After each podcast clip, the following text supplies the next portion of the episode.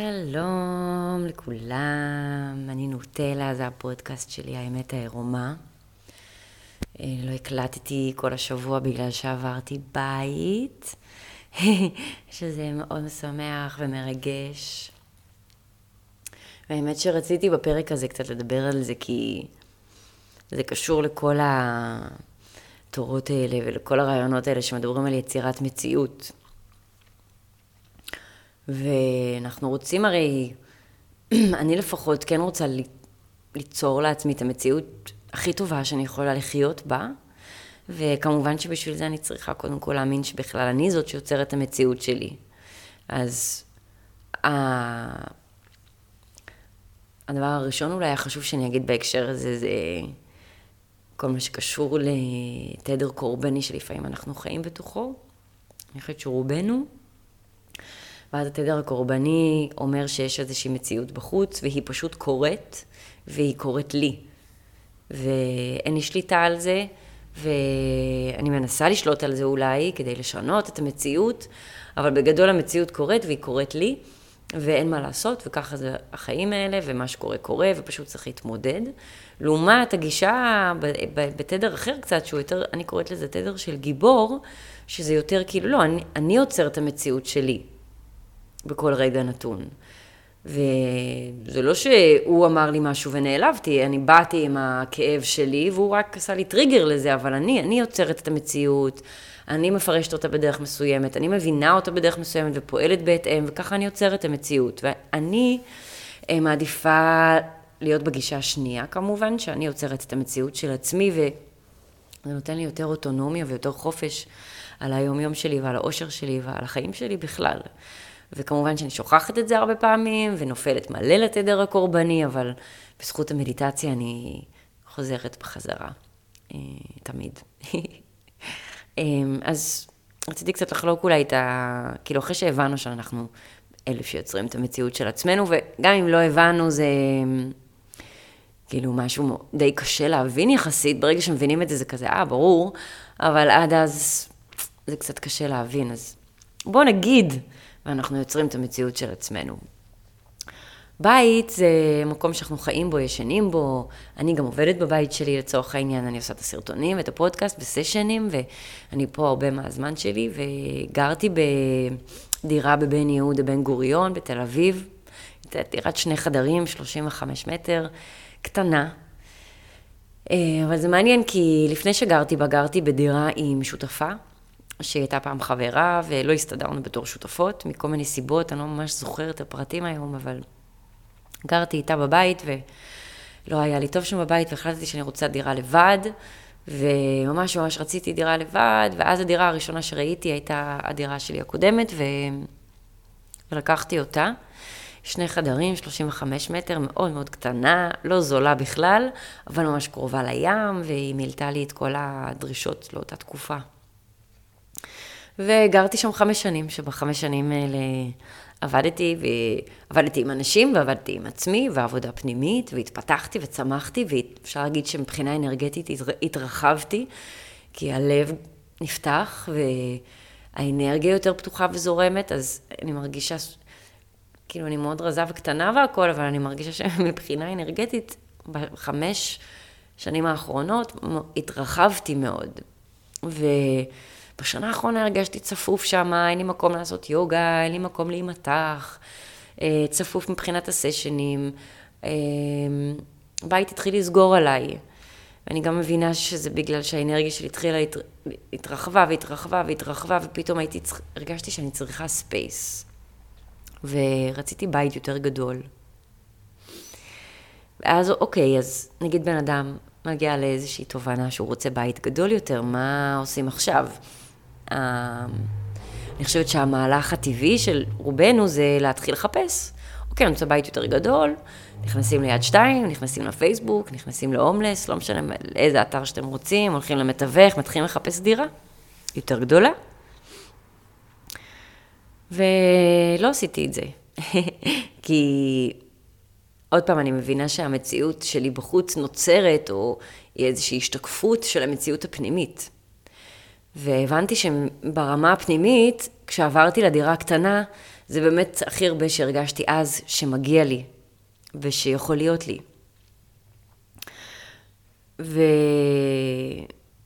ובגלל שאני כל כך אה, אדוקה בעבודה הפנימית, אני פשוט מבינה, וזה לקח גם תהליך של שנים, שברגע שהדבר שה... הזה מבפנים משתחרר, זה יוצר באופן טבעי איזושהי מציאות בחוץ, אני לא צריכה להתאמץ יותר מדי. אז אני כן צריכה לבדוק מה חוסם אותי, מה עוצר אותי, אה, מה גורם לי לחשוב שלא מגיע לי בית יותר גדול, שאני לא אוכל למצוא, אה, מה, מה בעצם משאיר אותי בבית הקטן הזה מבחינה אנרגטית ומבחינה רגשית. עברתי עם זה תהליך ארוך עם עצמי בחצי שנה האחרונה, וראיתי שהרבה דברים אה, תקעו אותי בדירה הקודמת. אז אחד מהם זה היה מחשבה כזה של אין דירות בתל אביב, אין דירות אה, במחירים נורמליים, אין דירות בשכונה שלי, במחיר שלי, גדולות. אה, ומה זה בשכונה שלי? אז גרתי בבן גוריון, אני רוצה להיות איפשהו באזור פה, למה? אה, כי החברים והמורה שלי באופן ספציפי יושב כל יום בקפה ליד הבית שלי, אז אני באיזושהי אחזות לגור בשכונה הזאת. כי אם אני לא אגור בשכונה, אז אני לא אראה אותו כל יום, ואז אולי הוא ישכח ממני ולא יאהב אותי יותר, ו... אז אני חייבת לגור פה בשכונה, כדי שכל יום אה, אותם אנשים יראו אותי, ויהיה לי את הקפה שלי ואת ה... בשכונה, ואת החברים, ומאוד נאחזתי בקפה שם, ובכל האנשים שכאילו אה, היו בחיים שלי שם. אז האסימון באמת נפל כשהראו לי איזשהו פנטהאוז בתחילת דיזינגוף, שזה מאוד רחוק מאיפה שגרתי. אבל זה היה פנטהאוז עם גג ענק במחיר סבבה, ובדרך לשם ראיתי מלא התנגדויות. לא, זה רחוק לי מהקפה, זה לא בשכונה, אני לא רוצה, אבל... עונה איזשהו קול מבפנים, אבל את רוצה בית גדול יותר, ובאה לך מרפסת, וזה יותר חשוב, ותראי איך מגיע לך, ואיזה עבודה. אז עשיתי עם זה הרבה עבודה רגשית, עד שהייתי מוכנה בכלל לשחרר מהשכונה, והתחלתי לחפש דירות אה, ברדיוס קצת יותר גדול. ונתקלתי בבעיות, כי רציתי לופט, רציתי space, רציתי מרפסת. היו דברים מאוד מסוימים שרציתי, ובנוסף גם רציתי להישאר בשכונה, ורציתי להיות ליד הים. ואז לאט לאט הבנתי שיש דברים שאני צריך להתפשר עליהם, כי אין בשכונה של בן גוריון דירות גדולות ב-4-5 אלף שקל, אין, זה לא קיים. זה הכל 9, 10, 11, 12, זה לא סכומים שאני רוצה להוציא על בית, לצורך העניין.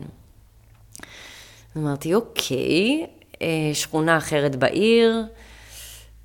הבנתי שאם אני, במחיר הזה שאני רוצה לשים, אני אצטרך כנראה לעבור לפלורנטין.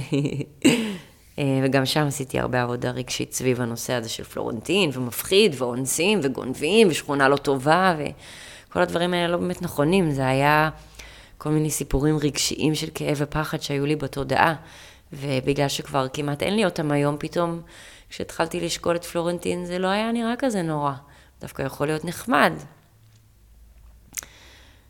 ועוד משהו ששמתי לב אליו זה שהיה לי איזשהו קושי להעריך את מה שכבר יש לי. הייתי יותר מדי עסוקה, הייתי כל כך עסוקה בכאילו הדירה לא טובה, והיא קטנה לי, והיא צפופה לי, ואין לי מקום פה, ו... לא עצרתי לרגע להעריך את הבית המדהים שכן היה לי, ואיך הצבתי אותו יפה, וסידרתי אותו, ואיך הוא שירת אותי, ואיך הוא היה שם בשבילי. ו... אז ברגע שהצלחתי להעריך את מה שכן היה, ואת הבית שכן יש לי, והצלחתי להשתחרר קצת ולראות את כל הדברים הרגשיים שתוקעים אותי שם בבית ובאזור, הייתי קצת יותר מוכנה לעבור, אבל עדיין היה לי איזשהו קושי לייצר בית חדש בראש, במציאות, כי... אולי לא הרגשתי שמגיע לי, אה, לא ידעתי מה לדמיין, לא ידעתי מה אני רוצה, אז במדיטציה, וזה חלק די חשוב ביצירת מציאות, אצלי לפחות, התחלתי לדמיין שאני בתוך בית חדש, אבל בלי פרטים, לא איך הוא נראה, איפה הוא נמצא, כמה חדרים, זה, אני מנסה כמה שפחות פרטים. פשוט לדמיין שאני כבר בתוך בית חדש, והוא גדול, ויש מרפסת, ואיך זה מרגיש. ו... עוד פעם, זה קשה, כי אני לא יודעת איך זה מרגיש. אז ישבתי, נגיד, בסטודיו של חברה שלי, איפה שאני מתרגלת שם יוגה, ונגיד דמיינתי שלי יש space כזה, ואיך זה מרגיש, ואחר כך במדיטציה דמיינתי שכאילו אני ב space גדול כזה, אבל זה שלי, ו... אז התחלתי ממש להעלות את זה בדמיון, אבל עוד פעם, לא איך הדירה, איפה היא, לא שום דבר מהדברים האלה, כי אני לא יודעת, זה לא בשבילי להחליט. יותר איך בא לי להרגיש בבית, איזה תחושה בא לי שיהיה לי בבית שלי. אה, ולפני שאני הולכת לישון, אני מדמיינת שאני ישנה בבית ענק, ואיזה כיף זה, וכמה space. אה, אחר כך, מבחינת האזור נגיד, איפה בא לי לגור, אז עוד פעם, אני לא ידעתי איפה, אבל ידעתי איזה תחושה בא לי שיהיה לי שמה. ואגב, בסוף עברתי לדירה מעל הסטודיו של היוגה, שזה מעניין כי אה, אני באה לבניין הזה כבר שנתיים, פעמיים, איזה שנתיים? כן, שנתיים לדעתי, לבניין הזה, פעמיים בשבוע. והייתי עושה משחק כזה שאני כאילו מדמיינת איך זה לגור בבניין, ואיך זה לגור פה למעלה, והייתי ממש מדמיינת את זה ומשחקת עם זה, ורואה איזה תחושה זה יוצר אצלי. ו... אחרי שניקיתי את הכאב ואת כל הדברים בראש שלי שיצרו אותי ושמנעו ממני מלמצוא ולהשתחרר, ברגע שהשתחררתי מהשכונה ומהבית ומהקפה ומהאנשים שם ומכל הדברים האלה, והתחלתי לדמיין את הבית שאני רוצה לגור בו ואת הגודל שאני רוצה שיהיה שם ושיהיה לי חברות בשכונה וכל מיני דברים כאלה. אמ, אני יכולה להגיד שכאילו תוך כדי הסתכלתי על כל מיני דירות בפייסבוק, אבל לא הלכתי לראות. ואחרי שכל התהליך הזה הגיע לקראת סיום, אה, דיברתי עם חברה והביאה לי את הטלפון של איזה מתווך, והוא הציע לי פתאום דירה בבניין הזה, וישר אמרתי לו, כן, אני רוצה לבוא לראות, כאילו, הכל הסתדר בול. ובאמת חודש אחרי זה עברתי לפה. אמ, אז זה לא כל כך פשוט לייצר מציאות, בגלל שיש שם הרבה רבדים שונים. אה, שזה הכאב לנקות, והסיפורים מהילדות, והפרדיגמות, וה... האמיתות השקריות שאני מספרת לעצמי מאז שאני קטנה. על המציאות, על כסף, על בתים, על העולם, על החיים. כל הכאב שתקוע שם ונאחז בכל מיני סיפורים ואנשים ומקומות ודמויות. ו... אמ, אמ, שלי וחוסר היכולת שלי לדמיין ולהרגיש שיש לי דברים מעבר למה שאני מכירה במציאות הזאת. כל הדברים האלה מאוד יכולים אה, לחסום אנשים מלייצר מציאות, הם יכולים לגרום, שלא בכוונה לאנשים לייצר מציאות לא טובה, אבל אם מתחילים להתבונן שם ולעשות את העבודה ולהיכנס פנימה ולא לפחד מהדברים האלה, זה גם יכול לעזור לייצר את המציאות שאנחנו רוצים, ושתהיה הכי טובה וכיפית לנו. אפשר לעשות את זה כמובן עם כל דבר ולא רק עם בית. אמ, וזהו, זה, זה לא כל כך פשוט כמו שאני מתארת, זה ברור לי. אה, במפגשים האישיים אני עוזרת לאנשים לייצר מציאות, אני מלמדת את הדבר הזה. זה לא פשוט, זה כן אפשרי, כל אחד יכול לעשות את זה בעיניי. אה, זה עניין של סבלנות והתמדה ותרגול, ובעיקר כוח רצון. שלי יש הרבה מסתבר. אה, והכי חשוב נראה לי להאמין שמגיע לנו. כאילו להאמין שמגיע לי בית כזה, ומגיע לי מרפסת, ומגיע לי space גדול, ומגיע לי שזה יהיה במחיר פייר. ואין סיבה שאני לא אקבל את זה, כי אני בן אדם טוב, ויש לי לב גדול, ואני מנסה לעזור, ולהיות טובה לאנשים, וטובה לעצמי.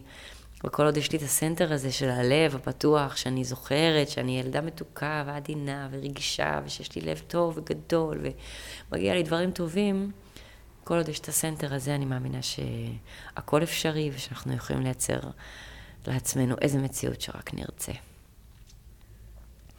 ואני אסיים עם זה להיום, כי אני יכולה לדבר על הנושא הזה שעות, אבל עדיף שלא. אנחנו כבר על 14 דקות. אז כל מי שרוצה ליצור שינוי, להבין את היצירת מציאות הזאת יותר טובה, איך הבחוץ שיקוף של מה שיש בתוכנו, ואיך מנקים ומרפאים את מה שיש בתוכנו, כדי לייצר מציאות יותר טובה. בין אם זה בכסף, עבודה, בית, משפחה, סקס, ילדים, זוגיות, כל נושא. אפשר לבוא אליי, אה, ואני מלמדת את העבודה הזאת באהבה, ומחברת בין התודעה, והרוח, והגוף, והאהבה. אז אה, זהו להיום, ואנחנו נשתמע בקרוב. ביי.